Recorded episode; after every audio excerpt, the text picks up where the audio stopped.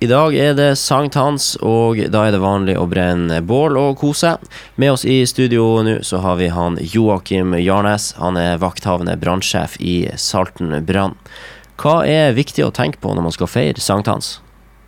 Ja, I forhold til Bård så, så tenker jeg det, det, er jo et generelt aktsomhetskrav i, i, Norge. og Det er jo det at man skal vise aktsomhet og opptre på en slik måte at brannen ikke oppstår. Og så er det jo viktig å vite at uh, i utgangspunktet det, i tidsrommet fra 15.4 til uh, eh, 15.9 så er det forbudt å gjøre opp ild i utmark.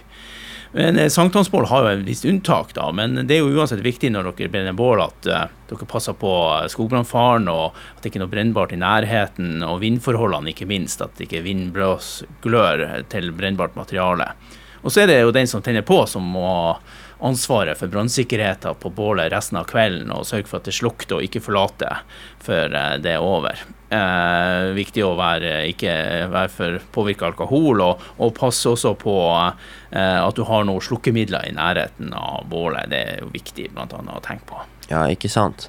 En ellers i sommer, er det noen gode branntips du har eh, hvis man skal bruke en grill, bål eller eh, engangsgrill og sånt? Ja da, altså Vi har jo hatt eh, stor skogbrannfare i starten av sommeren, så vi var jo veldig bekymret. Vi hadde flere tilløp og, og i tillegg branner, skogbranner rundt omkring i regionen. Eh, men så har det jo nå kommet en del regn og, og blitt våt i utmarka, så det har jo gjort at det er litt enklere å gjøre det. det. det. skal jo være greit å ha et lite kaffebål og, og, og brenne, men tenk på at man ikke skaper noe brannfare og slukker etterpå ikke brenn noe eh, søppel eller plast og sånne ting.